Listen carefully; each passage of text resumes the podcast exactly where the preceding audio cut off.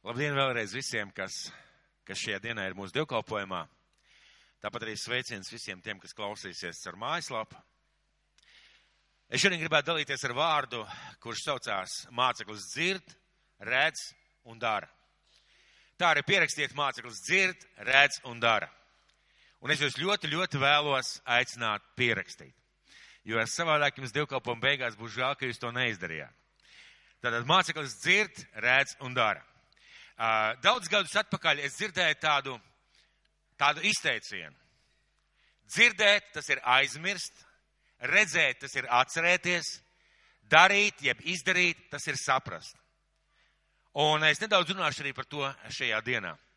Un šis gads mūsu draudzē ir veltīts tam, lai mēs augtu kā mācekļi. Jūs zināt, divas lietas mums šajā gadā ir aktuāls, ir mūsu prioritātes, ko mēs iesim šajā gadā. Tātad māceklība un personīga māceklība un personīga evanģelizācija. Un šis gads būs veltīts tam, lai mēs augtu kā mācekļi, kā Kristus mācekļi. Un paldies Dievam par šo virzību, jo es domāju, tā ir pareiza virzība un visām lietām savs laiks. Ļoti iespējams, ka daudz no mums ir zināmā mērā kaut kur atraušies no saknēm, ielikuši kaut kur pa vidu, nokļuvuši kaut kur pa vidu un reizēm, lai nostāvētu, mums iznāk tā kā balansēt, mums nav tāda īsta laba pamata. Un mēs šajā gadā virzīsim uz to, lai mēs izveidotos labu, spēcīgu un pareizu un dievbijīgu un bibliski pamatotu pamatu. Un gribu sākties ar Mateja evaņģēlī 28. nodaļu, 18. 20. pāns. Mateja evaņģēlijas 28. nodaļa, 18. 20. pāns. Mēs jau pagājušajā reizē par to nedaudz lasījām. Es gribu jūs aicināt atšķirt savus bībeles, paņemt savus telefonus, attaisīt savus personīgos telefonus vaļā. Un mēģināsim lasīt kopā Mateja evaņģēlija 28. nodaļu, 19. un 20. pāntu. 8, sāksim ar 18. Tie ir Jēzus vārdi. Atcerēsimies, ka Jēzus gatavojies doties uz debesīm, viņš gatavojies atstāt mācekļus. Viņš ir trīs ar pus gadus bijis kopā ar viņiem, viņš mācījis, dalījis maizi kopā ar viņiem. Viņi ir vērojuši viņa brīnumus, viņi ir bijuši izsūtīti kaut kādā mirklī, kādā nelielā misijā, un nu Kristus gatavojās viņus atstāt. Viņš runā uz saviem mācekļiem. Un lūk, ko viņš saka. Un ja es piegāju pie tiem un uzrunāju tos sacīdams, man ir dota visa vara debesīs un virs zemes. Tāpēc eit un darēt par mācekļiem visas tautas, tās kristīdam tēva dēlu un svētā gara vārdā, tās mācīdami turēt visu, ko es jums esmu pavēlējis, un redzi, es esmu pie jums ikdienas līdz pasaules galam. Un šeit būtu ļoti svarīgi salikt akcentus. Mēģināsim saprast, ka tā ir Jēzus pēdējā pavēle saviem mācekļiem, un tā arī priekš mums ir pavēle patiesībā par visu mūsu dzīves misiju. Un draudze tā ir ģimene misijā. Draudz tā ir ģimene misijā. Un ne tikai lielā pasaules draudz, bet arī šeit mūsu draudz cerība tā ir ģimene misijā. Un lūk, ko viņš saka šiem cilvēkiem. Tāpēc eit un dariet par mācekļiem visas tautas. Tas kristiem tēva dēla un svēta gara vārdā, tās mācīdam turēt visu, ko es jums esmu pavēlējis, un redzes esmu pie jums ikdienas līdz pasaules galam. Ko Jēzus pavēla saviem mācekļiem? Ejiet pa visu pasauli un dariet par ko? Par mācekļiem.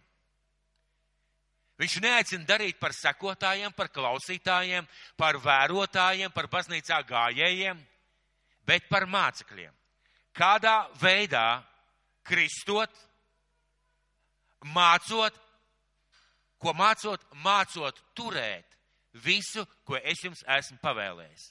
Mācē, mācot turēt visu, ko es jums esmu pavēlējis. Ko nozīmē turēt? Tad, ja es saku, ejiet un māciet kristiet cilvēkus un māciet viņu, viņiem turēt visu, ko es jums esmu pavēlējis. Ko nozīmē turēt? Turēt nozīmē darīt.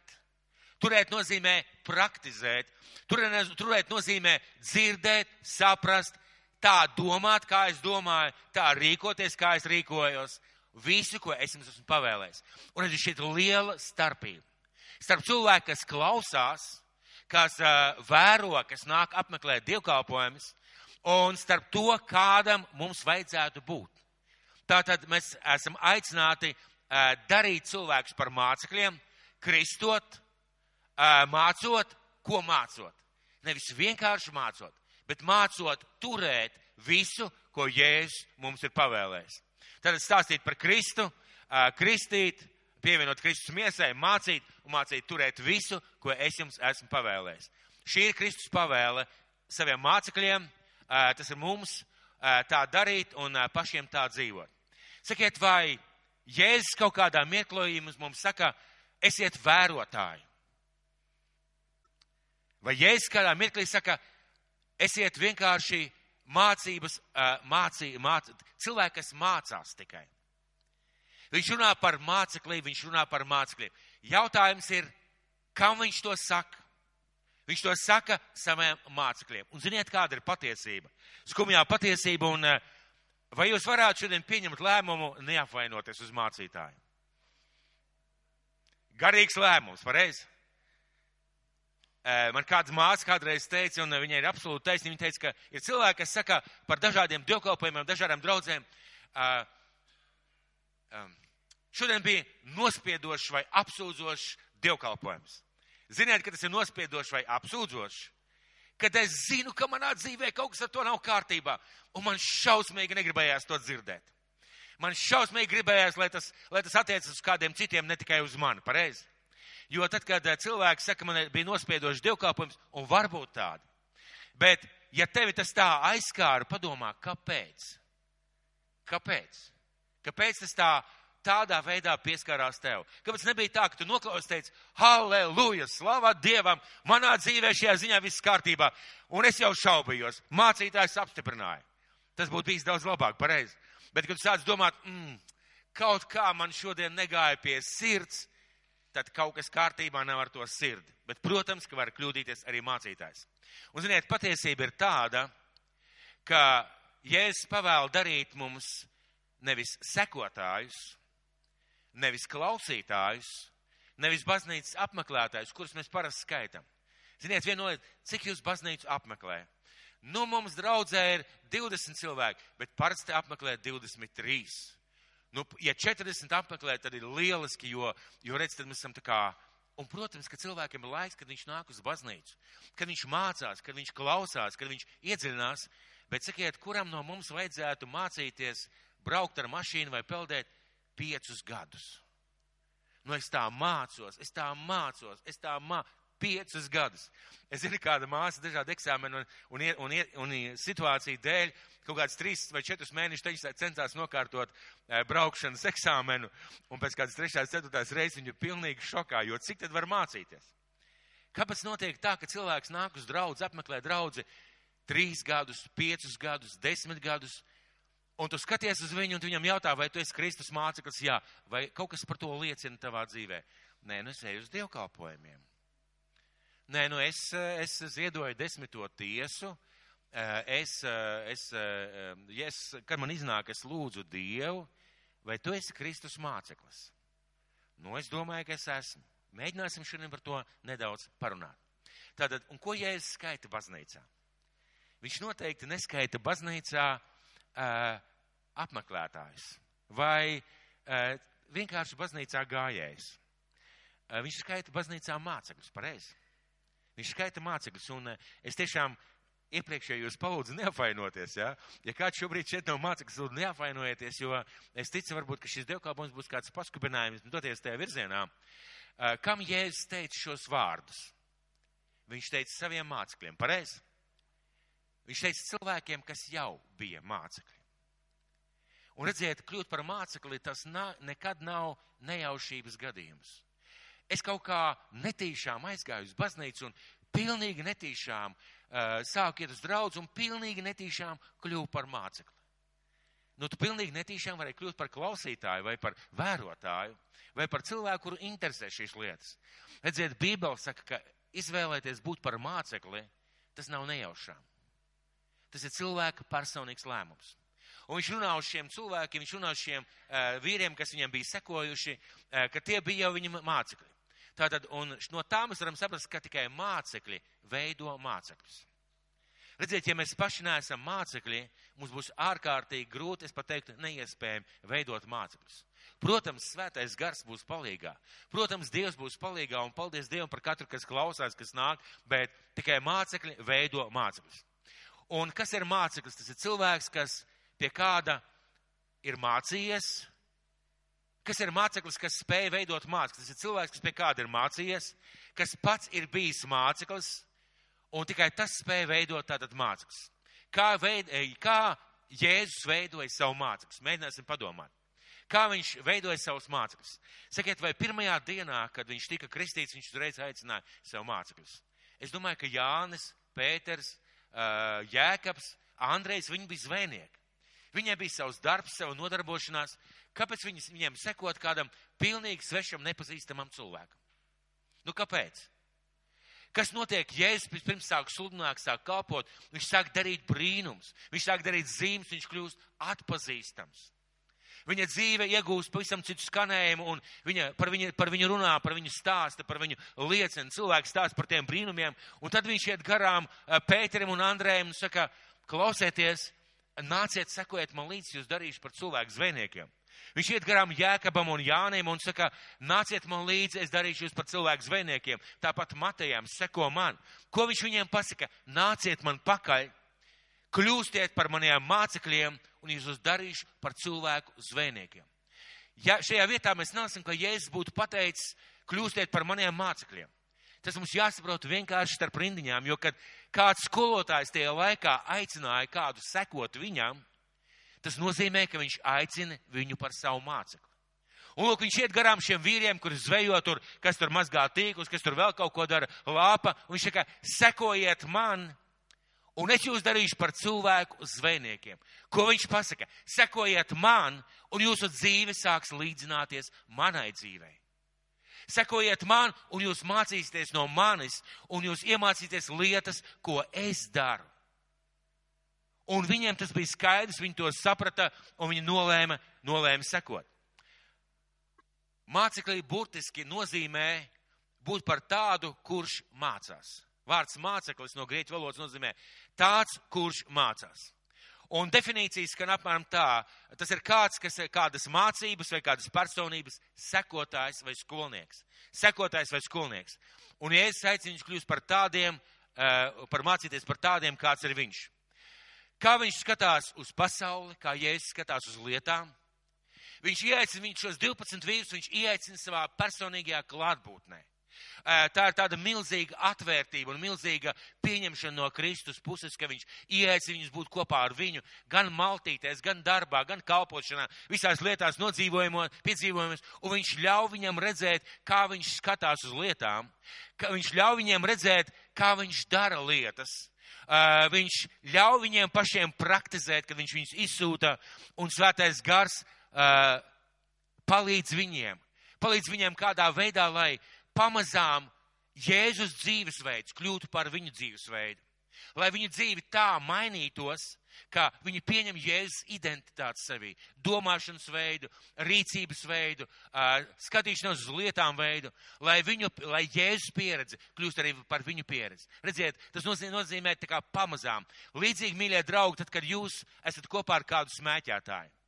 Nevajag dzīvot vai staigāt kopā ar smēķētājiem, bet kāds brālis teica tā, un tā ir tāda laba liecība. Viņš teica, viņš brauc kādā, kādā lidmašīnā, un tie laikam bija kaut kādi 70. gadi, kad lidmašīnā acīm redzot vēl varēja smēķēt. Un viņš bija sludinātājs, viņš atbrauca uz kādu konferenci un gribētu tā kā sludināt, viņu uzņem kā viesu, un viena māsa tāda kautrīga pieiet pie viņa, saka, brāl, kur tu tā sapīpējies? viņš brauca lidmašīnā, kurā drīkstēja smēķēt. Redziet, ja mēs esam kopā ar cilvēkiem, kuri smēķē, mēs pamazām uzsūcam šo smaržu, mēs kļūstam līdzīgi. Ja ir kāds cilvēks, kas ir autoritāte mūsu dzīvē, ja mēs cenšamies kopēt viņam, uh, kopēt viņu, sekot viņam, mācīties no viņa, mēs kļūstam viņam līdzīgi. Un ja es pasaku saviem mācekļiem, šiem 12 vīriem, es gribu jūs aicināt savā klātbūtnē, esiet mani mācekļi, lai tāds kā es pamazām kļūtu arī jūs. Un šeit ir viena interesanta lieta. Viņam bija jāsaprot, ka būt par Kristus mācekli domāt par to, ka viņa dzīve varētu būt līdzīga Kristus dzīvē. Viņi to uzskatīja par lielāku vērtību nekā to, ko viņi darīja. Viņam tas bija jāuzskata par lielāku vērtību, par svarīgāku nekā to, ko viņi darīja. Redziet, un eh, kas attiecās uz mums, tas nozīmē, ka mums ir Kristus jāvērtē un viņa griba, viņa domas, viņa plāni, viņa idejas jāvērtē augstāk, nevis tāpēc, ka mēs baidamies, nevis tāpēc, ka viņš tā pateica, bet tāpēc, ka tas ir labākais priekš mums. Labākais priekš mums. Un viņi to saprata. Viņi saprata, ka labāk ir būt kopā ar Kristu nekā vienkārši zvejot zivis. Bet viņi nebija sliņķi. Viņiem bija šī veselais saprāts, kā uzņēmējiem domāt, kas ir svarīgāk, kas ir vērtīgāk. Sakiet, kā cilvēki mācās? Vai esat padomājuši, kā cilvēki mācās? Tie, kuri studē, es domāju, man ātri vien piekritīs. Cilvēki mācās trijos veidos. Ir mācīšanās klasē, kad uh, skolotājs dod informāciju, studenti pieraksta kaut kādu jautājumu, kaut kas tam līdzīgs, tad informācijas nodošana.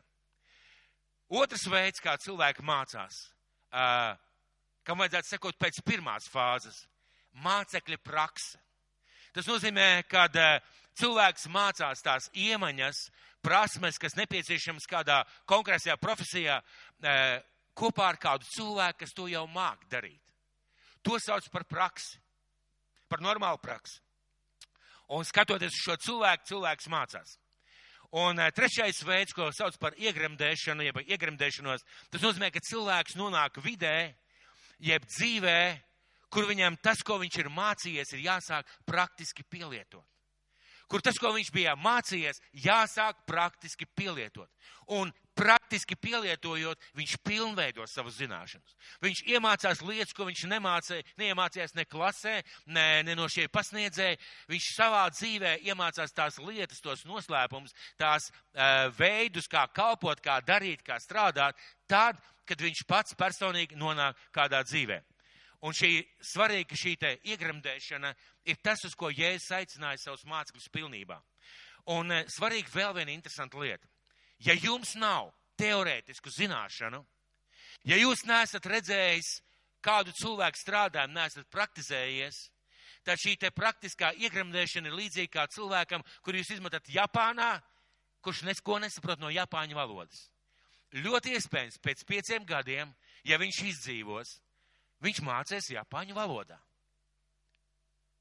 Bet cik daudz labāk būtu, ja šis cilvēks ietu Japāņu valodas klasē, iemācītos pašus pamatus. Un tad viņš regulāri mēģinātu sarunāties vai komunicēt ar kādu cilvēku, kas runā labi vai profesionāli vai ir Japāns. Un tad nonākot Japānā, izrādītos, ka viņš zina tikai pašus, pašus pamatus, minimumus, Un Japānā esot viņš izkopt šo te smalko niansu runāt, jo mēs zinām, ka arī Japāņu valoda ļoti smalka. Redziet, ir dažādas profesijas un dažādas lietas. Piemēram, kāpēc padomu laikā gandrīz jebkurš cilvēks, kurš mācēja vadīt mašīnu, varēja remontēt mašīnu? Kā jūs domājat? Ļoti vienkārši, pareizi. Tu varēji būt uh, ne ar zelta rokām, te varēja paņemt uh, kā šajā automehāniķa darbnīcā, varēja skrūvēt vienu gadu, divus gadus, trīs gadus. Pamazām jau tu iemācījies, pareizi? Pamazām jau tu iemācījies. Bet, ziniet, nav nekā kaitinošāk kā, kā palīgs, kurš nezin, ko darīt šodien, piemēram. Pamēģiniet tagad šodien ielaist kādu pilnīgi neapmācītu cilvēku uh, salonā vai vai, teiksim, kaut kādā auto darbnīcā, kur remontē smalkas elektronikas mašīnas.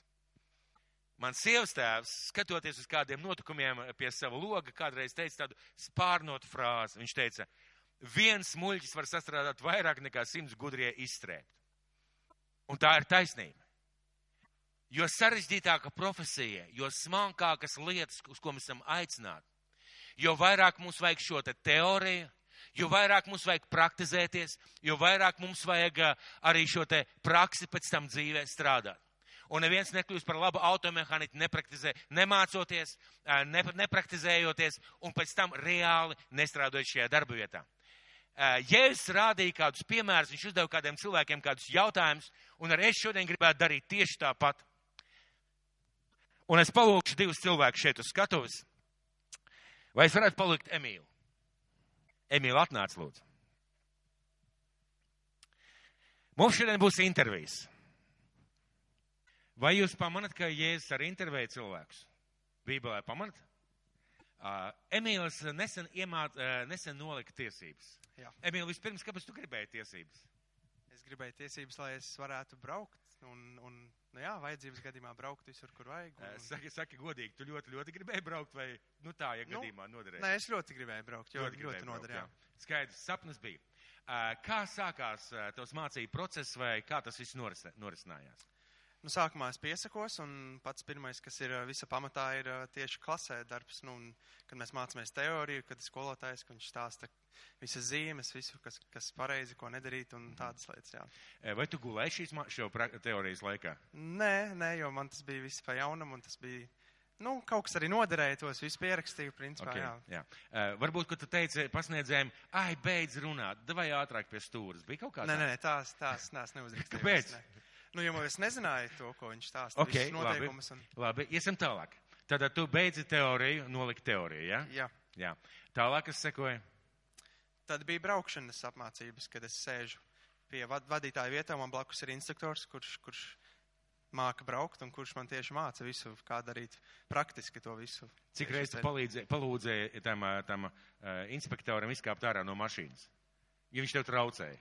Nē, nē, viņš netraucēja. Viņš, Viņš netraucēja? Viņš netraucēja, Tiešām, nē, nē, tu nelūdzu viņu izkāpt ārā? Nē, nē, nē. Vis, Un kad viņš bija dusmīgs, es tev to apvainojies. Nē, nē, sapratu manas kļūdas arī. Un... Tiešām neapvainojies. Neapvainojos nevienreiz. Nē. Ne, nenosauc viņu sliktos Nē, vārdus. nē, man bija bail brīžam, jo viņš tur citreiz, kad dusmīgs palika. Tad, jā. Nu, skaidrs, jā. Labi, tātad. Tu mācījies pie viņa, jā? Jā. Vai tu no viņa kaut ko iemācījies? Es visu, visu iemācījos, principā, no viņa, jā, kā pareizi braukt un kā. Ok, kad tu sāki braukt, vai tu atklāji kaut ko tādu, ko tu vēl nezini, nemāku, ko tu vēl ne, ne, tā profesionāli nevar Kad darīt? es pats sāku braukt? Jā, Jā, jā. bija Jā. kaut kas? Jā, daudz, daudz lietas, jā. Tieši par, par, nu, tieši par vadības ierīcēm vairāk un, un nu jā, tur vairāk uzņēmo, var uzņemties vairāk, nu, eksperimentēt mazliet tieši vairāk izmēģināt, jo ir pateikts, ka tā var izdarīt, bet izrād, nu, var arī mazliet savādāk darīt un, un savā, s- nu, stilā gandrīz vai, un, Mhm. jā. Ā, Kas ar tevi būtu noticis, ja tu būtu palicis tikai tajā klasē vienu gadu, otru gadu, trešo gadu, ceturto, piekto gadu? Nu, braukt, tad es nekad īsti neiemācītos. Bet jā. tu būtu eksperts, pareizi. Nu, teorijas es, es pārzinātu izcili, jā. Lieliski skaidrs. Paldies. Jā. Paldies, Emīl. Apsveicam tevi ar tiesībām. Visi aplaudē viņu. Uh, palūksim Diānu. Diāna, vai varētu jūs tevi palūgt?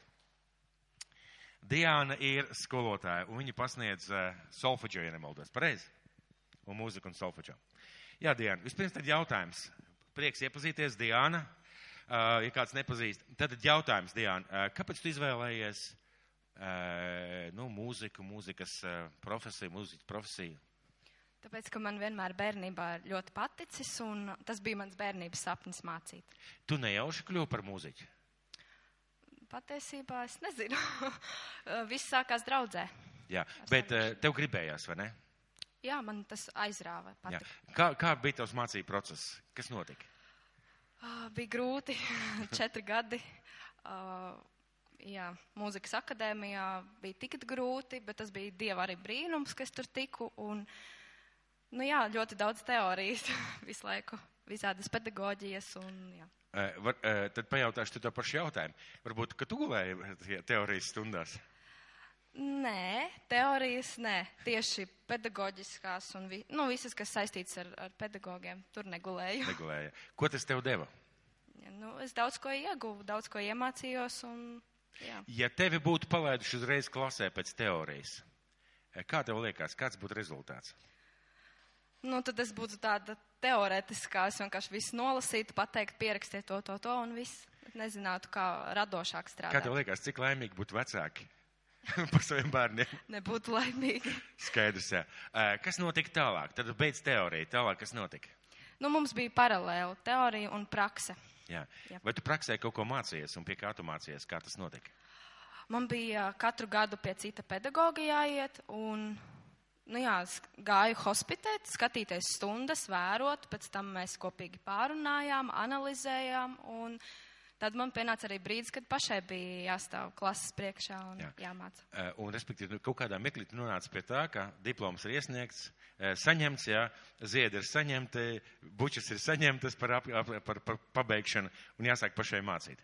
Pareizi? Uh Mhm. -huh. Jā. Eh, Jautājums ir, vai tu iemācījies kaut ko tad, kad tu sāki pati? jā, tad daudz vairāk iemācījos.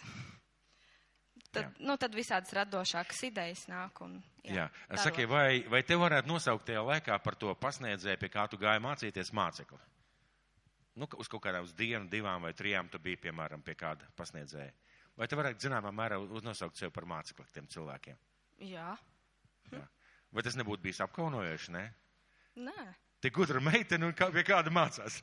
nē, ne- galīgi Nē. nav. Tas bija tā normāli, pareizi. Nu, jā, Skaidrs, jā. ap pieredzes Jā, apmaiņa. Lieliski. Uh, paldies, Diana. Es domāju, ka man jautājumi beigušies. Paldies.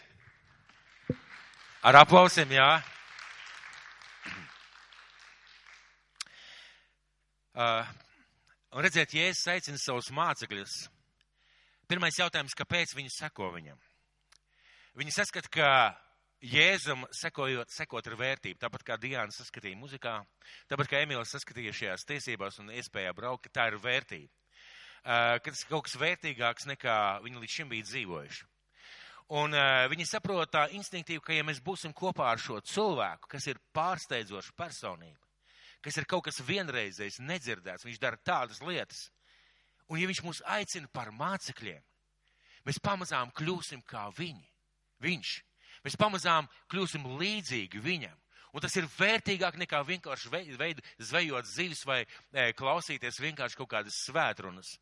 Un mums jāskatās līdzīgi, kā Jēzus skatās uz saviem mācekļiem. Mums jāskatās līdzīgi, kā mācekļi skatījās uz savu skolotāju.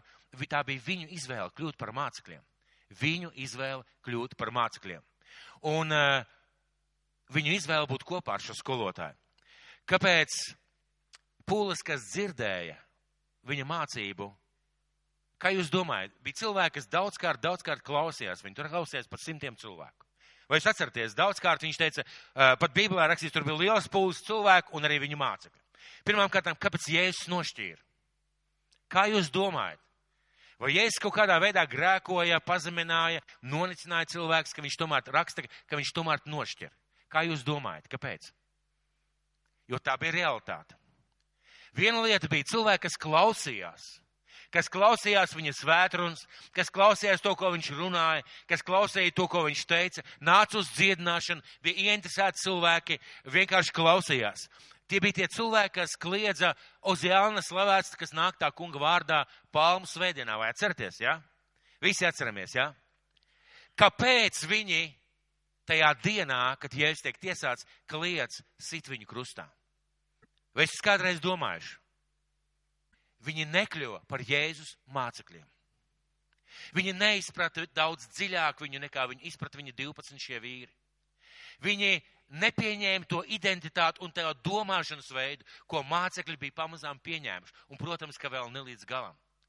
Viņi, jāsaka, tā nepazina Kristu tā, kā pazina šie 12 vīri. Un ziniet, kad jums saka, tev jādara tas, tev jādara tas, tev jādara tas, tev jādara tas, ka tu dod cilvēkam kaut kādas cerības, vai kad viņš pats sāk lolot kaut kādas cerības, ka viss ar viņu ir kārtībā, ka viss ir forši, un pēkšņi nav forši, cilvēks paliek dusmīgs.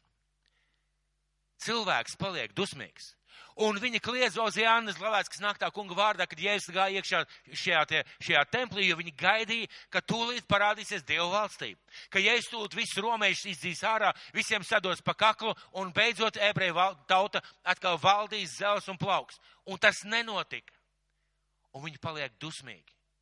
Viņi paliek dusmīgi uz Kristu un viņi kliedz, sit viņu krustā, jo viņš ir pievīlis viņu cerības.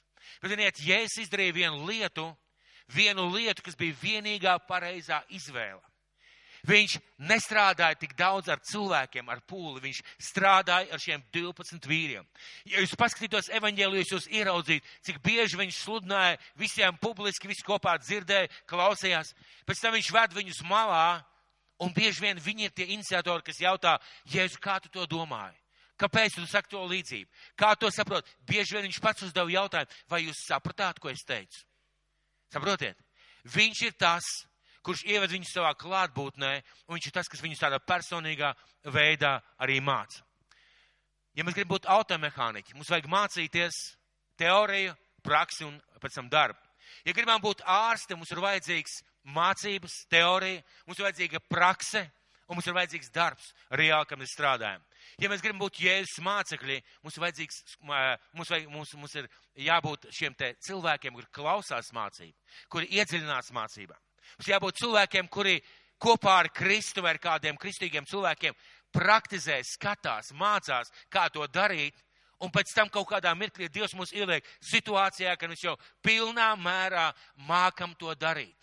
Kad mēs apgūstam jau jaunas zināšanas vai saprašanu, tad, kad mēs esam realitātē tajā dzīvē, kur mēs esam. Vai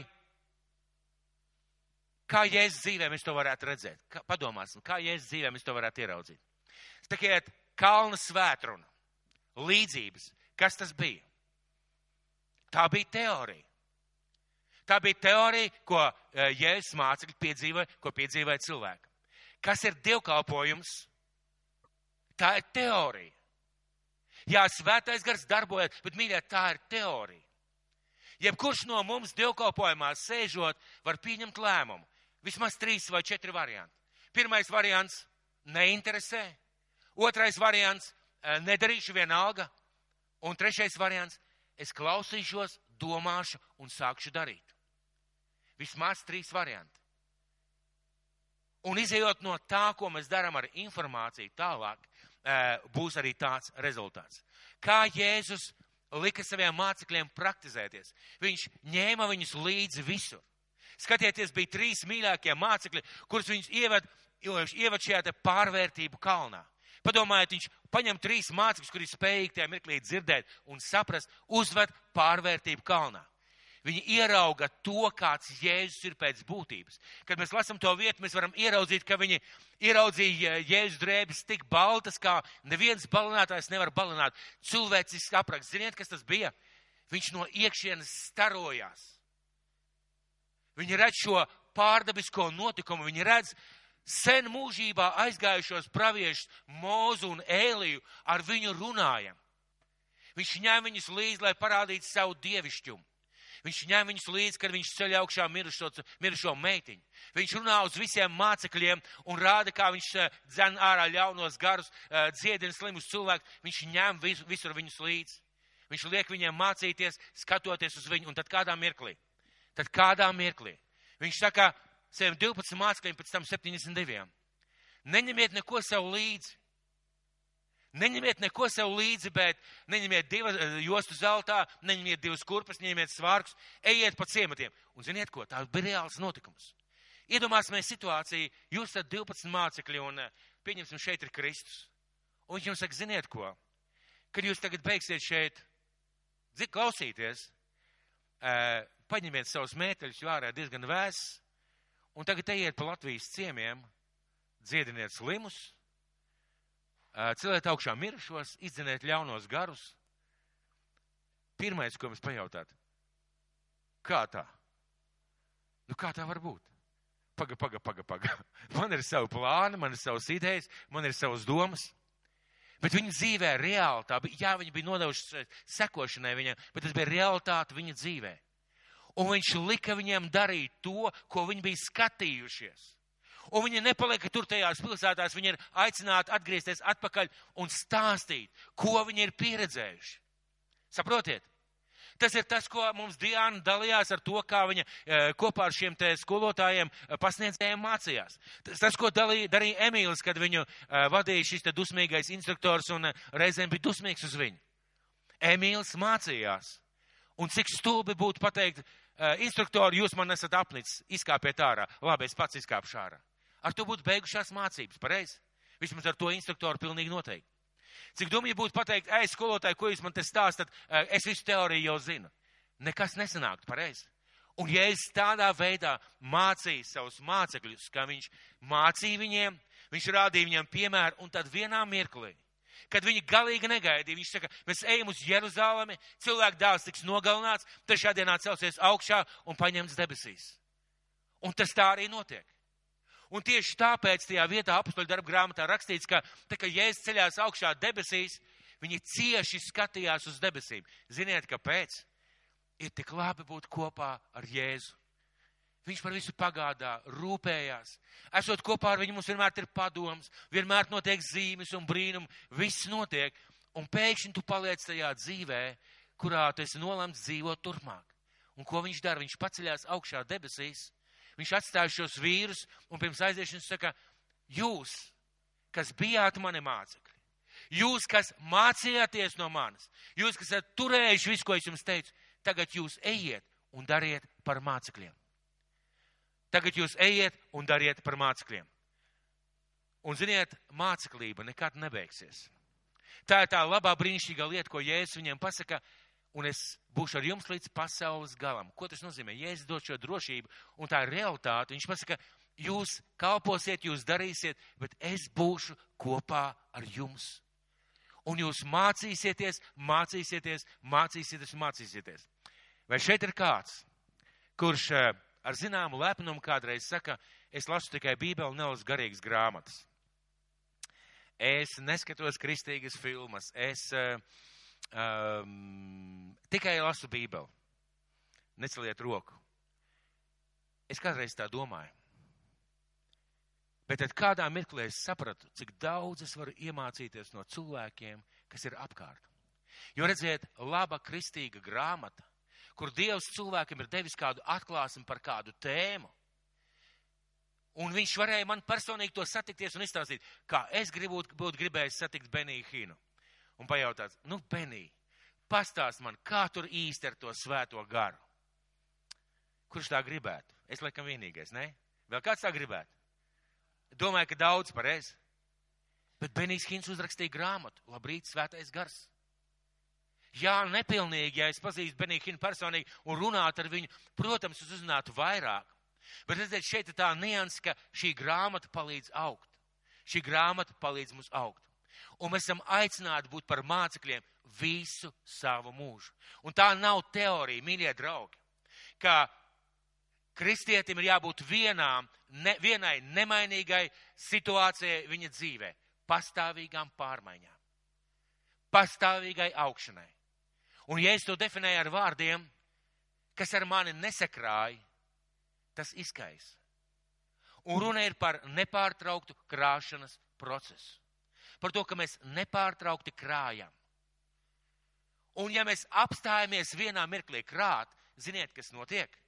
Mēs izkaisam. Mēs kaisam ārā, mēs zaudējam kaut ko. Un mums, kristiešiem, mums ir jāsaprot, ka mums ir jāaug. Mums ir jāaug, mums ir jāiet uz priekšu. Jēzus aicina citus sev par mācekļiem. Viņš aicināja šos 12 vīrus, un tad viņš vēl runā ar kādiem cilvēkiem, un Mateja evaņģēlijas 11. nodaļa. Es gribētu nedaudz izstāstīt jums vēl kaut ko. Mateja evaņģēlijas 11. nodaļa. Uh, sāksim ar 27. pantu. Ja es saku tādus vārdus, visas lietas man ir mana tēva nodotas, un neviens nepazīst dēlu kā vienīgi tēvs, un neviens nepazīst tēvu kā vien dēls. Un tagad klausieties un kam dēls to grib darīt zināmu. Neviens nepazīst tēvu kā vien dēls, un kam dēls to grib darīt zināmu. Ja jūs pierakstat šobrīd bībelēs vai savās kladēs, pierakstiet divus vārdus, trīs. Dari man zināmu. Ko Jēzus pasaka? Ka ja mēs esam kopā ar viņu, ja mēs esam viņa mācekļi, viņš mums atklāja sevi un atklāja tēvu. Bet kādā veidā mēs varam atklāt Jēzu, ja saprast Jēzu, un kādā veidā mēs varam atklāt tēvu? Un viņš turpina. Nāciet šurp pie manis visi, kas esat bēdīgi un grūtsirdīgi. Es jūs gribu atvieglināt. Ņemiet uz sevi manu jūgu, mācieties no manis, jo es esmu lēnprātīgs un no sirds pazemīgs, tad jūs atradīsiet atvieglojumu savām dvēselēm. Jo mans jūgs ir patīkams un mana nasta viegla. Un šis 28. pāns, ziniet, ko viņš saka? Jēzus nerunā uz neticīgiem cilvēkiem. Viņš saka, ja tev ir apnikusi reliģija, ja tev ir apnikusi vienkārši sausa, tukša mācība, ja tev ir apnicis sēdēt divkalpojumos un pēc tam iet tikpat tukšam projām vai zinībām piebāstam projām, tad nāc pie manis un paņem manu jūgu uz sevis. Tagad par jūgu. Tie cilvēki, kuriem viņš to teica šos vārdus, viņiem bija skaidrs, tā bija agronoma kultūra. Ziniet, kas ir jūgs? Jūgs ir tāds koks, kas savieno vēršus. Tajā laikā, kad ar zemi, lai stādītu labību vai kaut ko apko, uh, nu, raktu, teiksim, kaut ko stādītu, zemi uzara. Un tas koka ārklis bija ārkārtīgi smags, tur bija kāds metāla lemenis, nezinu īsti precīzi, bet viņš bija ārkārtīgi smags un viens vērsis nevarēja šo ārklu pavilkt. Viens vērs nevarēja šo ārklu pavilkt. Un darbs bija apmēram 12 stundas dienā. 12 stundas no vietas, varbūt ar kādu pārtraukumu, šie vērši ārā. Un ko Jēzus saka šiem cilvēkiem? Runājot par šo piemēru, tad kā notika tālāk? Tad uh, parasti jūdza divus vēršus, bet jūdza vienu jaunu, ļoti spēcīgu jaunu vērsi un jūdza vienu pieredzējušu vērsi, kas jau bija vecāks, kas bija jau āris zemi. Ziniet, kāpēc? Tāpēc, ka jaunie vērši, viņi iztērē visu spēku uzreiz, viņi no sākuma velk ar lielu sparu un ar lielu ātrumu, jo viņiem šeit tad uzdod ar pīcku bet līdz dienas beigām tu to nevari izvilkt. Un, lai tas tā nenotiktu, jūdzi vienu pieredzējušu vērsi, kurš jau bija izstrādājis ritmu, kurš bija pieradis, kā ir jāra, cik ātri ir jāiet, cik ilgi jāiet kādā veidā, un lika klāt šo jauno vērsi. Un šis jaunais vērsis, viņš bija spiests pamazām piemēroties šī vecā vērša ritmam. Un, kad šis vecais vērsis gāja un vilka to, to arku, tad jaunais vērsis pamazām, pamazām mācījās, kā noiet visas 12 stundas. Rezultātā viena sezona, divas sezonas, trīs sezonas, un šīm jaunajām vērsim liklāt jau nākošo vērsi. Un par šo jūgu runāt, ja es saku, nāciet kopā ar mani. Es būšu tas pieredzējušais vērsis, ja tā varētu teikt. Un jūs būsiet tie jaunie vērsēni, tas jūgs mūs savienos, jo tas jūgs satur vēršus kopā. Un kad mēs arsim, es jūs mācīšu. Lūk, ko viņš teica. Un tad viņš teica, ka mans jūgs, jeb tas, ko es daru, tas ir viegli un patīkami, un jūs atradīsiet atvieglojumu savām sirdīm. Lūk, kāpēc, ja mēs esam baznīcā gājēji un klausītāji, gads, divi, trīs, mūsu dzīvē ienāk vilšanās. Ienāk vilšanās par kristīgo ticību. Esmu tik gadus ticīgs, nekas manā dzīvē nav mainījies. Tas, ka tu esi bijis kā vārda klausītājs, tu neesi bijis darītājs. Tu neesi bijis māceklis, kurš izvēlās būt māceklis. Un ja es šādā veidā saku, ņemiet uz sevi manu jūgu un kopā iesim. Un viņš to arī izdarīja, mīļie draugi. Viņi darīja kopā ēdienu. Viņi kopā brauc pa jūru, viņi kopā piedzīvoja kaut kādas vētras. Viņi kopā bija starp cilvēkiem, kas bija naidīgi, kopā bija starp pūļiem, kas viņu apsveica un sumināja.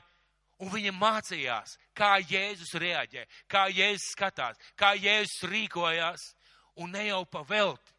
Tad, kad apstoļu darbos rakstīts, ka uh, Pēters un Jānis tiek vēsts sinedriju priekšā, viņi saprot, ka valoda, pat viņu valoda viņus nodod. Pēteri nodeva šī valoda pie ugunskura. Un tālāk viņi saprot, ka viņi ir nemācīti ļaudis, bet ka viņi bijuši kopā ar Jēzu. No kurienes? No kurienes? Viņos bija tās pašas lietas, kas bija Kristu. Un redziet, tā mūsu dzīvē ienāk īsta patiesība šī te māceklī. Mēs daudz dievkalpojumos klausamies vārdu. Jautājums, vai viss ir kārtībā?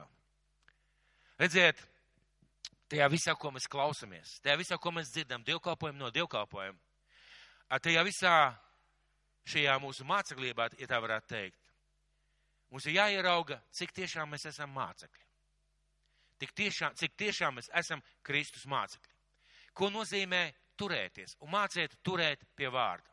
Jeb turēties pie vārda. Tā ir vārda darīšana.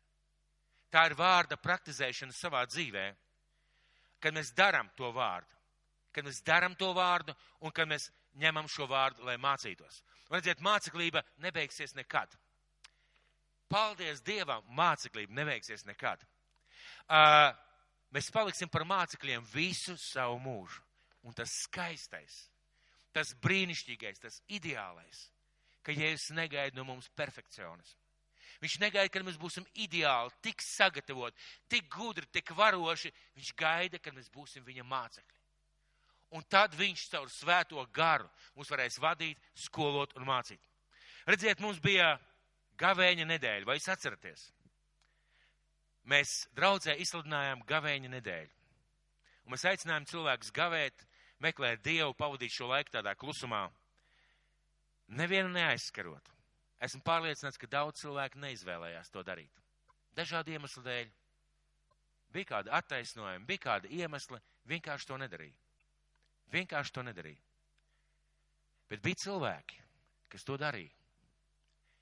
Es klausījos liecības, kā Dievs ir mainījis cilvēku domāšanu šīs nedēļas laikā. Kā cilvēki, ieklausoties šajā vārdā par šī gavēņa nodalītā laika svarīgumu, kā viņi to darīja. Un viņa dzīvē kaut kas mainījās. Ziniet, es pateikšu vienu piemēru pats par sevi. Sakiet, vai kāds ir daudzkārt un dažādi dzirdējis, ka cilvēkam ir daudz jālieto šķidrums savā dzīvē? Mēs varam droši pacelt roku, jā? Ja? Kurš daudz un dažkārt un dažādos veidos lieto šķidrumu savā dzīvē? Netik daudz. Redziet, es to biju gadiem dzirdējis. Gadiem. Bet šī gaveņa laikā es lūdzu par tādu savas dzīves sfēru kā par veselību. Un es lasīju to vārdu, un šis vārds uz mani runāja, un vārds bija, mīļais, es tev novēlu visās lietās tādu labklājību, kāda jau ir tavai dvēselē. Un es lūdzu Dievu par savu veselību. Un tad es domāju, pagajāna. Kāds ir tavs mērķis, ko tu varētu uzrakstīt kā mērķi visai dzīvei saistībā ar veselību? Laba, brīnišķīga veselība līdz mūža galam, mundrs gars, normāls svars, normāls izskats līdz mūža galam. Un automātiski parādījās jautājums, kā tu uz to ies? Un es jums gribētu kaut ko parādīt. Vārda studēšana, vārda pārdomāšana noveda mani pie prakses. Un pirmo reizi mūžā man ir šāda pudele, kur es cenšos diezgan regulāri lietot.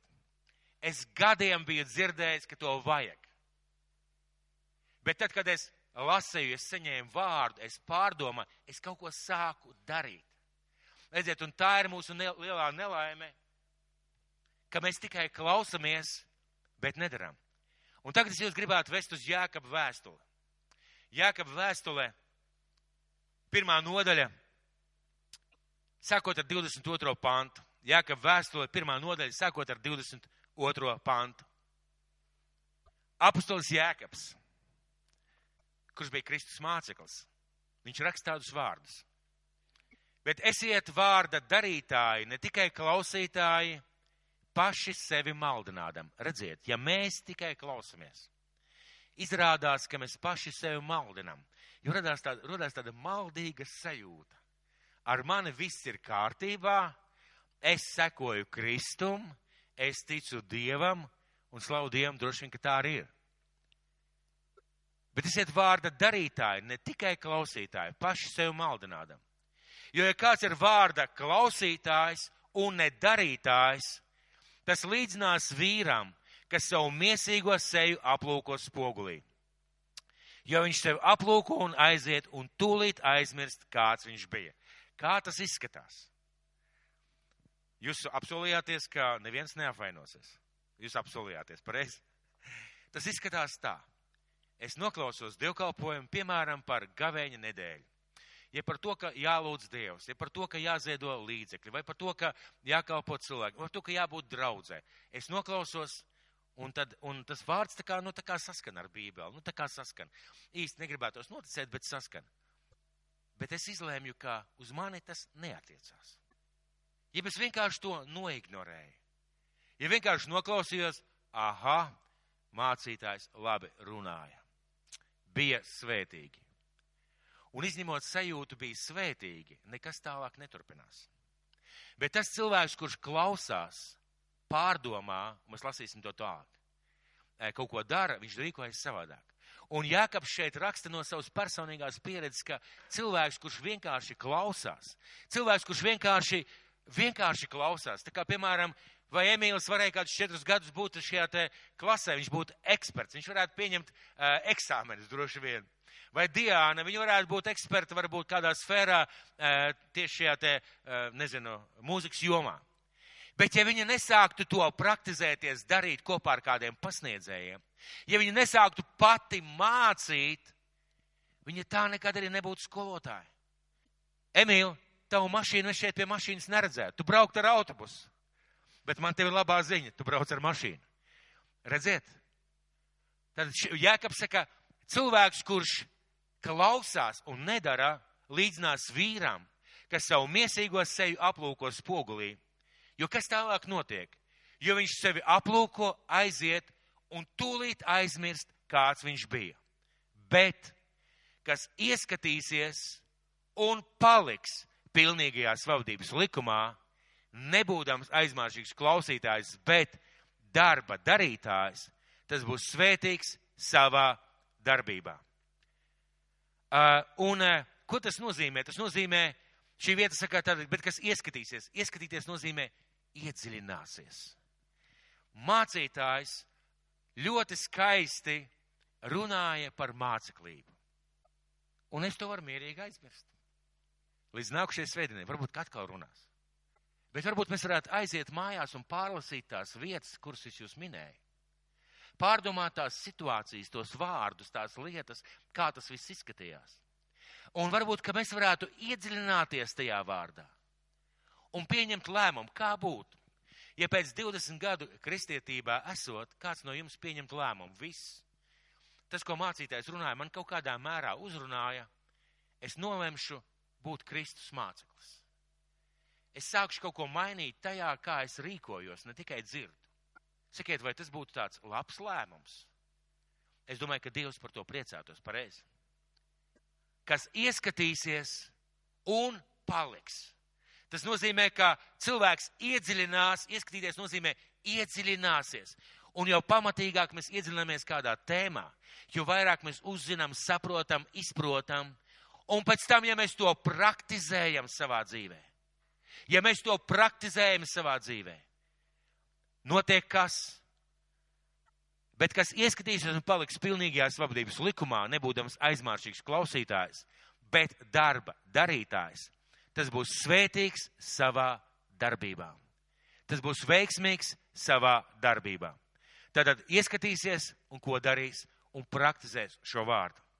Un redziet, tā ir lieta, kas es ticu kristīgajā ticībā kaut kur pa vidu ir izgaisusi. Ziniet, kāpēc? Nepriekš visiem un visur. Nē. Cilvēki arī gluži netīšām kļūst par mācekļiem. Gluži netīšām. Esmu daudz kārt teicis, bet es tagad es tā varbūt šodien ļoti laba vietā ir, ir eh, padalīties ar manu personīgo liecību atkal un atkal un atkal. Es atnācu uz draudz. Uh, es biju vienu, divas, trīs, četras, piecas svētdienas draudzē, un man sieviņa neļaus samalot. Un mācītājs Jānis tajā laikā, tautveids, nubrāva, piedod noriņas atkal pie tevis. Kā iet? Es gribētu, lai tu šodien padalies ar kaut ko, ko tu esi saņēmis no Dieva. Es svīdu, sārku un bālēju. Bija dievkalpojumi, uz kuriem man negribējās iet, jo es zināju, ka viņš atkal pienāks.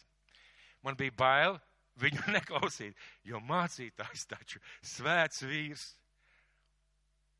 Es gāju, kaut ko runāju, un pēc tam, kad es biju runājis, mācītājs piecēlās. Viņam ļoti laba takta sajūta bija. Viņš teica, paldies brālim par vārdu.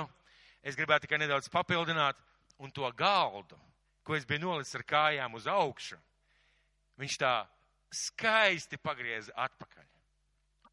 Bet es mācījos. Bet cauri tam visam es mācījos. Cauri tam visam es mācījos.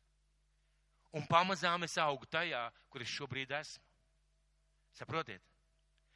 Kad mums kādreiz saka, vai tu nevarat izdarīt to vai to vai to vai to, vai tu nevarat uzņemties kādu kalpošanu vai kādu lietu draudzē, Bieži vien tas ir aicinājums no Dieva, ar ko mēs tiekam aicināti tiešām kļūt par mācekļiem un gatavoties. Gatavoties tam aicinājumam, tam mirklim, kad, māc, kad meistars pateiks, nu tas jau pilnīgi uz kājām, lai Dievs tev sveitīs, būs kopā ar tevi līdz pašam pasaules galam. Redziet, tāds ir māceklis. Un uz tādu ticības un aicinājumu līmeni Kristus mūs aicina. Viņš aicina mūs par mācekļiem. Ja mēs godīgi padomājam, Mēs bieži vien secinām, ka mēs esam ilgi bijuši draudzē, daudz dzirdējuši, bet vai mēs īsti esam mācekļi? Tas ir labs jautājums. Un es jūs gribētu atstāt šajā nedēļā ar jautājumu. Vai es esmu māceklis? Vai esmu paņēmis to jūgu kopā ar Jēzu? Un vai, es, vai tas vārds, tā teorija, tās lietas, ko es lasu Bībelē, ko es dzirdu, vai tas pamazām kļūst par daļu manā dzīvē? vai es eju kopā ar viņu mācoties šīs lietas, padziļinot šīs lietas. Tas ir tas, ko, uz ko Kristus mūs aicina. Un viena svarīga lieta, ko es vēlreiz gribētu atkārtot, tikai māceklis var darināt mācekļus. Tikai līdzīgs rada līdzīgu. Lūk, kāpēc bieži vien mēs tiekamies ar kādiem cilvēkiem, varbūt liecinām, varbūt aicinām uz draudzu, un mēs jūtam, ka mēs kaut kā ar viņiem nemākam īsti strādāt, nemākam īsti viņus novest līdz tam, ka viņi tiešām kļūst par Kristus sekotājiem. Jo iespējams, ka mēs paši esam tikai tādi teorētiski kristieši. Bet kas ir labais? Lai kādā stāvoklī mēs esam, lai kur mēs esam, Dievs mūs mīl, un Dievs vēlās mūs mainīt un vest uz priekšu. Un, ziniet, laikam labāk vēlāk nekā nekad. Pareizi. Domājot par šo vārdu, es pārdomāju to, to vietu, kas eh, daudziem mums kristiešiem ir zinām. Par desmit līgavām. Vai jūs atceraties? Desmit līgavas. Atskan signāls, jeb sauciens, tas kungs nāk, līgavains nāk, piecas ieiet, un piecām nav eļļas. Un piecām nav eļļas. Un viņas saņem padomu, ejiet un pērciet, Un kamēr viņš tiet un pērk, durvis ir ciet. Un iesaka, es jūs nekad neesmu pazinis. Ziniet, ko viņš nav pazinis? Viņš ir zinājis, bet nav īsti pazinis personīgi, ja tā varētu teikt, garīgi. Klausītājs, vērotājs, baznīcas apmeklētājs. Viņš ir pazinis savus mācekļus. Un lūk, tā ir lieta, ka mums ir jābūt viņa mācekļiem. Un eh, to var izdarīt jebkurš. To var darīt savā dzīvē jebkurš. Tas šis mazais, neredzamais, klusais lēmums, es gribu būt Kristus māceklis. Es gribu mācīties. Kad es klausos, kad es vēroju cilvēkus sev apkārt, vēroju, kā Jēzus to dara, un kad es sāku darīt un turēt visu, ko es jums esmu pavēlējis. Pēdējā lieta.